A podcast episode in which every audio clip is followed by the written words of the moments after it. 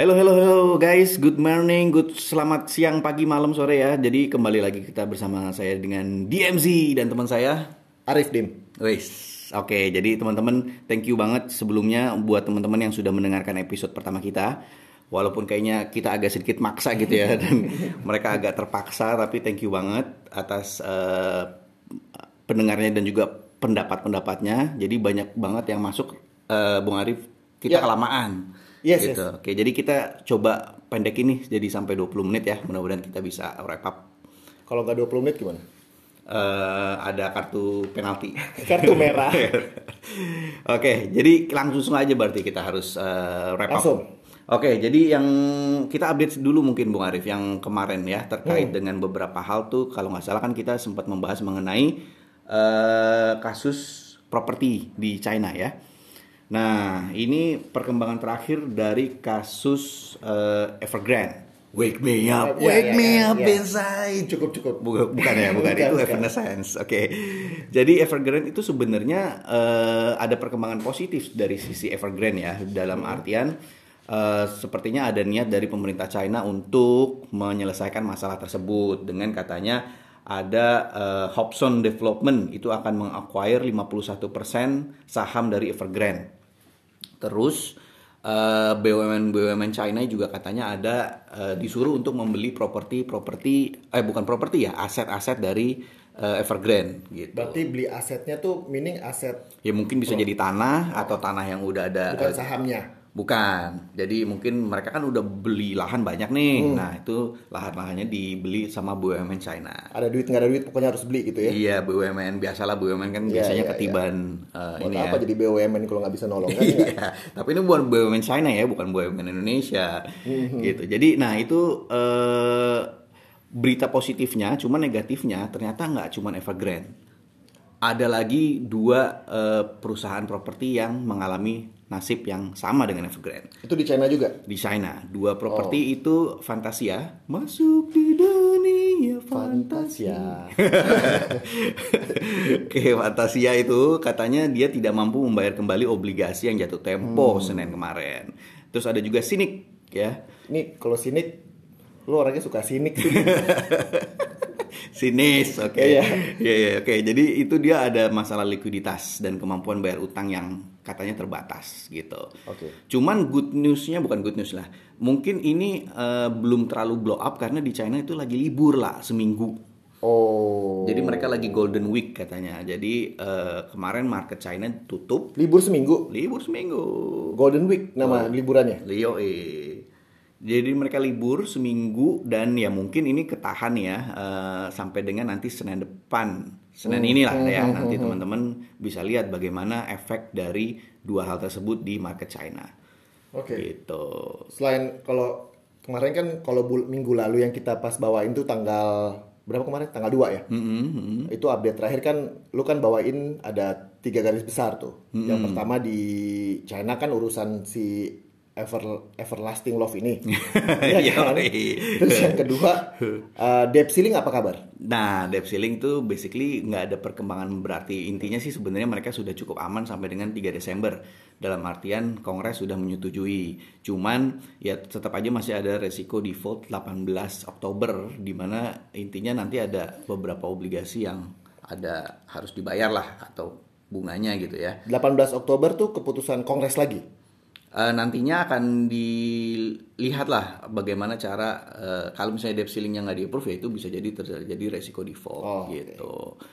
Tapi ya biasalah eh, Kongres Amerika ini seperti mahasiswa Indonesia kayaknya. Mereka last minute last minute baru ada perkembangannya gitu. Oh, apa apa uh, pokoknya kalau besok ujiannya sejam sebelumnya belajar. Iya, sampai begadang-begadang biasanya iya, mereka. iya. Tapi ya nunggu last minute biasanya gitu.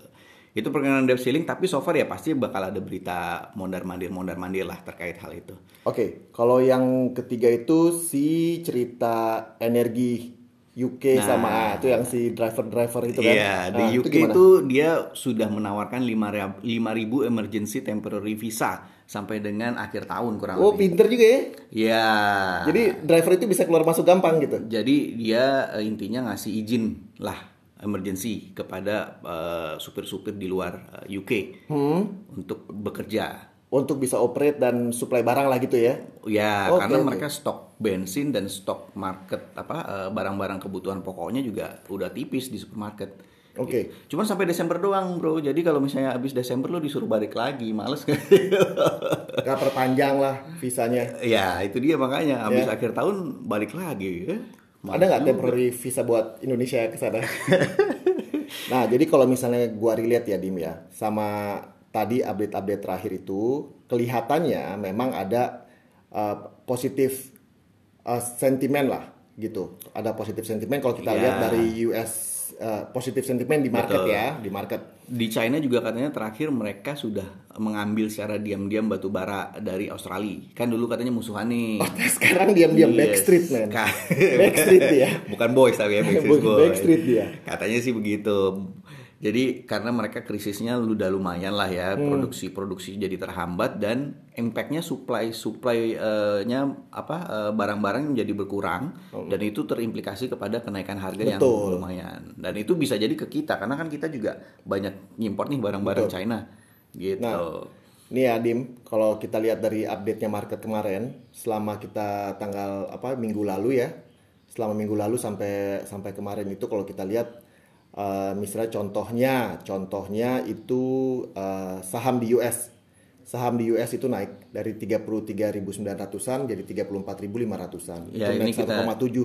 Ya, Dow Jones-nya itu ya. Dow Jones. Jadi itu kalau kita lihat berita debt ceiling, berita debt ceiling kemungkinan dampaknya ini.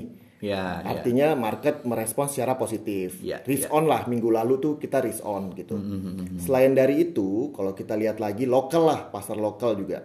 Pasar lokal itu naik juga dari 6.260-an ke 6.440-an. Itu juga risk on juga. Itu berarti. IHSG ya? IHSG. Ya, ya. IHSG. Nah, kalau Nah, ISG ada cerita sendiri, eh, Bung Arif. Hmm. Yes. Jadi kemarin itu dia mengospekkan pertama karena dari sektor energi ya, eh, karena kenaikan harga-harga batu bara itu kan lumayan tuh. cerita minggu lalu dong, Dim. Masih masih sampai sampai Ya, minggu sampai akhir minggu kemarin masih, itu terus tapi ya. memang mungkin kenaikannya nggak sedrastis yang minggu sebelumnya ya, Hmm. gitu. Jadi eh, masih so far eh, berimplikasi terhadap sektor energi di Indonesia. Oke. Terus kemudian eh, dari sektor perbankan, jadi eh, dengan COVID yang sudah mulai terkendali, sekarang kan ppkm diturunkan dan juga ada pelonggaran-pelonggaran ya.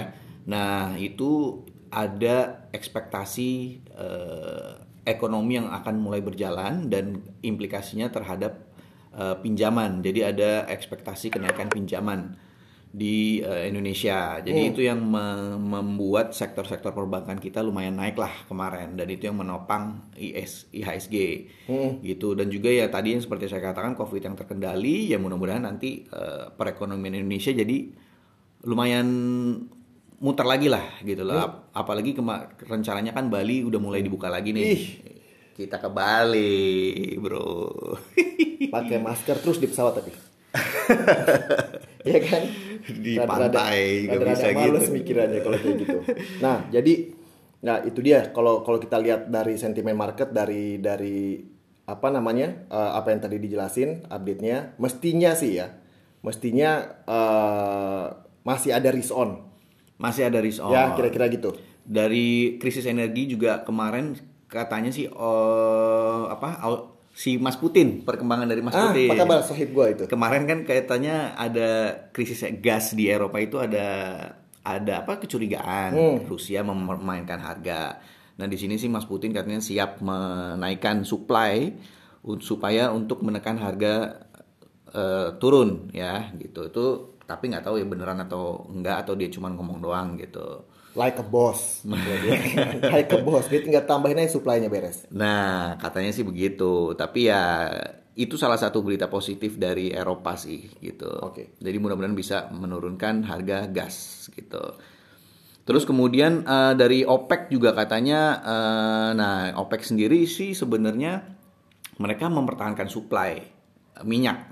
Ya. Ini sering mereka kayak gini nih. Ya, supaya kan harga minyak sebenarnya kan udah naik, cuman ya mereka so far masih menahan supply, tidak menambah gitu ya, menahan supply. Eh, intinya sebenarnya sih sebenarnya mereka ingin menjaga harga. Ya betul. Tapi di satu sisi ada Amerika juga yang bersiap untuk mengeluarkan cadangan minyaknya untuk menambah supply. Jadi dari sisi energi mudah-mudahan hal-hal hal itu bisa menurunkan harga minyak ya. Jadi untuk menurunkan inflasi juga karena kalau misalnya inflasinya naik drastis marketnya berat juga. Kalau lihat update yang ini, artinya kan sekarang itu perminta demand atas uh, oil and gas juga udah mulai naik, Dim. Ya, Ya demand kan? sih naik apalagi mendekati musim dingin ya di sana gitu. Betul. Berarti supply-nya harus digenjot. Nah, ya semoga sih, semoga selain daripada yang untuk uh, musim dingin di US, kita kan nggak ada musim dingin kan ya. Jadi doanya semoga emang ini untuk uh, apa namanya ekonomi dunianya sudah mulai berjalan kembali gitu.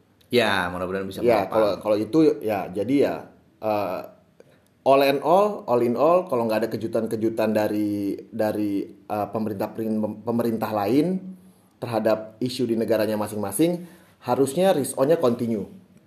Ya, mudah-mudahan ke depannya sih kalau misalnya dilihat ya tapi ada satu. Pertama tadi sentimen dari China nih eh, setelah dibuka seperti apa? Ini yang harus kita perhatikan Oh iya, juga. benar juga ya. gitu. Tunggu hari Senin ya kita ya.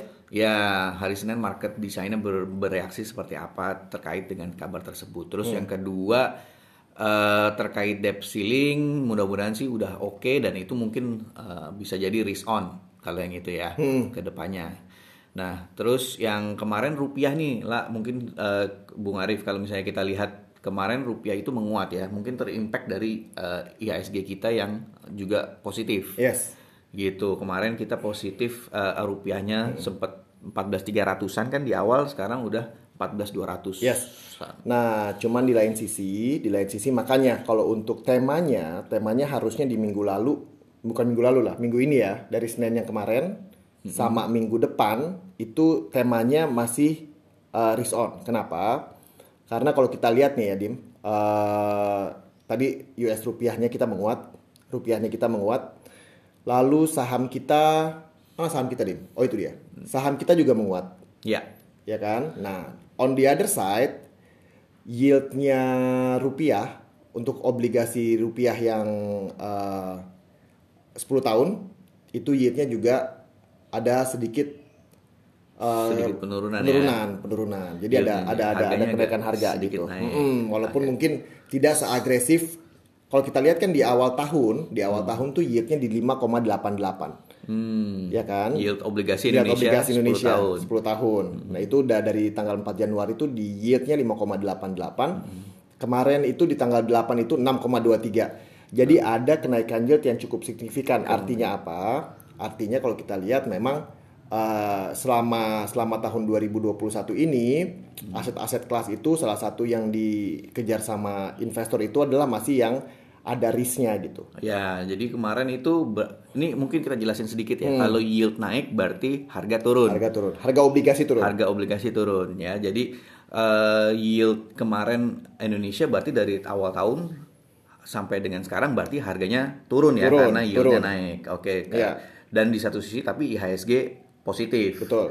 Nah, itu berarti ada eh, Yang risk on yang kita selalu omongin tadi, risk on itu berarti market lebih prefer aset-aset yang beresiko. yang lebih berisiko ya. Oke. Nah. Nah, tapi berarti dari 1 Oktober sampai 8 Oktober itu kenaikan yieldnya eh justru turun ya. Justru turun yieldnya. Yieldnya turun berarti harga sedikit naik ya. Iya. Walaupun agak sedikit naik. Tapi ini berbanding terbalik dengan US Treasury. Ya, US Treasury bukannya kemarin agak eh, masih naik ya. US Treasury itu juga sama sih, Dim. Yieldnya, yieldnya itu di tanggal 1 Oktober itu 1,50. Hmm. Nah, di pertanggal 8 itu 1,58. Berarti yieldnya naik, Yieldnya naik, harganya, turun. Nah, ini mungkin terkait dengan perkembangan debt ceiling juga kali ya. Yes, jadi kayak- maka jadi hubungannya biasanya hubungannya itu adalah kalau misalnya harga-harga obligasi ini turun, harga saham biasanya naik. Oh, Oke. Biasanya ya nggak selalu market sih. beralih. Beralih Ya, dari aset yang kurang beresiko obligasi kurang beresiko. Betul, ambil ke aset yang lebih beresiko. Nah, mungkin cuman ngingetin aja. Biasanya kalau untuk aset-aset beresiko ini otomatis itu menambah potensi return yang lebih tinggi. Hmm. Jadi kenapa mereka masuk ke aset-aset yang lebih beresiko itu karena mereka expect untuk dapetin return yang lebih tinggi, Di gitu. pasar saham nih kalau misalnya Pasar kita saham lihat. contohnya paling gampang. Contohnya, Ya. mungkin mereka ya tadi ekspektasi market eh, Kayak tadi membaik, betul. gitu kayak ya. tadi yang kita ceritakan kita ngomong dari tadi kan risk on, risk on, risk on gitu. Ya udah. Nah, itu sekarang uh, market market itu melihat itu dan direspon dengan ya udah. Ya. Kalau risk on ya kita beli aja uh, apa uh, aset yang lebih beresiko dan bisa memberikan potensi yang lebih tinggi misalnya. Mungkin kalau misalnya harga pertama kalau misalnya dari market China nggak terlalu overreact, terus kemudian uh, debt ceiling kan udah mulai terkendali ya, udah mulai ya nantilah kita lihat nanti ke depannya gitu kan. Terus kemudian harga energi terkendali. Betul. Terus minggu depan itu banyak financial statement release ya dari perusahaan-perusahaan Amerika dan Yes. perusahaan-perusahaan Indonesia lah. Itu ditunggu sih. Ya itu juga laporannya ditunggu. Jadi itu mungkin kalau misalnya hal-hal tersebut positif, intinya berarti eh, hari Senin dan ke depannya mudah-mudahan membaik gitu ya. Hmm. Nah, on the other side mungkin yang mesti apa namanya yang kita lihat tadi kita cerita itu adalah yang negatif hanya aja di China itu yang kita tunggu kan Saat ini. saat ini ya. Iya, nah, betul. selain sama yang tadi cerita lu tuh Dim tuh yang si dunia fantasia sama dunia fantasia sama si Iya. orang sinik. Iya, Ya kan? sini, sini. Nah, si ini mudah-mudahan eh, ini dua-duanya di China kan? Iya, Ya, dua-duanya semoga ini nggak jadi penambah eh, faktor untuk risk off gitu Betul. aja sih. Tapi ya satu satu lagi perkembangan dari eh, energi tadi gitu. Kalau misalnya harganya sudah mulai terkendali ya mungkin itu eh, lebih baik lagi gitu. Iya, Karena iya, iya. kal- lu bayangin lah kalau misalnya harga BBM naik gitu kan. Dulu kita pas Indonesia BBM naik itu efeknya kan ke mana-mana. Sampai eh, ke harga barang naik gitu kan. Dan barang-barang yang nggak berhubungan juga kadang-kadang suka naik kayak tukang parkir tiba-tiba naik gitu kan. Padahal kan mereka nggak minumnya minumnya air bukan minum bensin gitu kan. Rumah rumahnya deket nggak ngongkos. Padahal kita lagi butuh uang juga untuk beli bensin lagi karena kan lebih mahal gitu kan. Iya, dia nggak ngongkos. Dia minumnya minum air, nggak minum bensin. Tapi parkir parkir Naik. naik. Nah itu banyak yang mengambil kesempatan dalam kesempitan tuh biasanya kalau misalnya harga energi naik. Gitu. Nah, jadi kalau apa namanya eh so far, so far terakhir yang mau gua highlight adalah kepemilikan asing. Hmm, Nih ya. Di Indonesia itu kita ada namanya data yang selalu keluar biasanya seminggu sekali, seminggu dua kali. Hmm, Itu ada data eh, kepemilikan asing atas obligasi pemerintah Oke. Indonesia. Nah, itu bisa jadi proxy nggak? Biasanya iya. Biasanya kalau kita lihat uh, kepemilikan asingnya uh, naik, nah artinya aset-asetnya asing tuh lagi masuk lagi ke Indonesia. Nah itu akibatnya apa? Akibatnya ya secara lokal marketnya jadi bagus gitu karena likuiditinya banyak ya likuiditinya masuk ke saham, masuk ke obligasi jadi ya positif lah untuk marketnya Indonesia. Iya. Awal tahun itu di 974 triliun Mu, duit tuh, duit semua. duit semua. Oh, kira duit semua, bukan duit lo. Jadi duit semua. Jadi kalau kita lihat 974 triliun dari tanggal 1 Januari 2020 eh, lalu 4 Januari 2021-nya sekarang 8 Oktober 2021 itu 956 triliun. Oh, turun ya. Turun.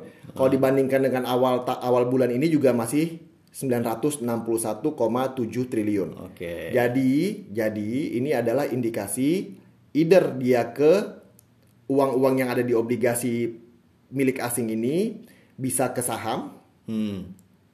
atau bisa balik lagi ke negara masing-masing. Oke, ke US Ke misalnya. US Oke. misalnya kayak kemarin biasanya nih, biasanya ini isunya banyak kalau ada isu di US tuh mulai uh, suku bunga mau naik. Gitu. Ah, Nah, seperti itu udah kemarin tuh kan. Nah, itu ketar-ketir tuh. Langsung dibalikin lagi uangnya untuk siap-siap bayar utang di sana. Oh, Begitu ceritanya biasanya. Gitu. Ya, ya, ya, luar biasa, luar biasa. Nah, jadi eh, untuk untuk yang minggu lalu baru itu sih. Oke, siap. Berarti in summary aja nih, Lap. Udah hampir 20 menit. Ke depan berarti Wih, tinggal 40 detik lagi kita bisa ngomong. Oke, Dim. Quick wrap up. Iya, Quick ke depannya kira-kira seperti apa nih jadinya ya? Kalau menurut gua, kalau menurut gua apa yang kita omongin tadi kita ulang lagi itu adalah risk on. Masih risk on mode kecuali yang dari China. Ya. Kita lihat seberapa besar si dunia fantasia, si Sinik ini ceritanya. Itu yang Ya. pertama. Yang kedua, kalau kita lihat apa? Kalau kita lihat data-data yang sudah keluar, ini terakhir unemployment rate US. Oh iya data Unemployment US, rate ya. US itu Minggu baru depan. kemarin dirilis. Yang oh, kemarin, kemarin, yang kemarin, kemarin, yang kemarin kemarin. dirilis itu jadi 4,8 persen Oh. dari 5,1 persen. Bagus dong. Another berarti. positive news. Nah, Oke. kita lihat lagi nih minggu depan ada apa aja. Iya, iya, iya. Nah, Ada apa aja, Jim? Kalau nggak salah itu ada inflasi ya, inflasi di US ya nanti eh, di akhir minggu biasanya itu diperkirakan akan stay di 0,3 persen. Jadi ya kita lihat tuh data inflasi. Kemudian ada retail sales advance. Jadi intinya lihat Penjualan retail. penjualan retail. Tapi diperkirakan ini mengalami penurunan gitu. Tapi ya mudah-mudahan biasanya market gini kalau misalnya harga eh, datanya lebih bagus daripada perkiraan, berarti marketnya akan bagus. Iya, betul. Tapi kalau misalnya lebih jelek dari perkiraan, dia akan eh, turun. Gitu. Itu mungkin data yang harus diperhatikan minggu depan. Sip. Nah ini juga apa namanya eh, bisa menjadi pertimbangan teman-teman ya eh, untuk mengetahui eh, aset-aset apa aja yang kira-kira masih menarik dan tidak menarik gitu. Oke. Dim, 20 menit lebih Dim udah Dim. Target Ya, kita 20 oke. menit pas. Jadi intinya mungkin mudah-mudahan market cukup kondusif ya walaupun nggak akan se apa nggak bakal Se-ekstravagan tiba-tiba- kemarin, Iya, misalnya. betul. Jadi mungkin mudah-mudahan seperti itu wrap up-nya. Siap. Kurang lebih itu Bung Arif, terima kasih Eh, kita sudah Thank you. berkolaborasi lagi. Thank ya. you Bapak DMZ. kita ketemu lagi minggu depan dong ya. Siap, kita kok kita ini lagi. Kita ingetin lagi agenda-agendanya. Again ya untuk eh, teman-teman semuanya yang yang ngedengerin eh, thank you untuk masukan-masukannya. Hmm, Itu kita eh, sangat eh, really eh, appreciate. Walaupun kita maksa-maksa dikit ya. Maksa dong selalu, harus maksa. Kalau nggak maksa nggak jadi-jadi. Ya kita tunggu juga nanti ada komen-komen apa. Ya. Or teman-teman mau tahu info apa, coba kita ntar cariin data-datanya, coba kita ulas Siap. nanti bareng-bareng. Ya. Saran-saran kalau Ya. ada Q&A boleh. Oke. Ke Instagram kita apa lah? Instagram kita apa Din? Sama-sama lupa. Baskom underscore pot ya. POD. POD. Baskom underscore biasa POD. underscore Siap. ya. Silakan Oke. berinteraksi di situ. Dim eh, dan teman-teman semuanya have a good weekend. Sip. Kita ketemu lagi minggu depan ya. Ya. Wassalamualaikum warahmatullahi wabarakatuh. Bye bye, thank you. Bye.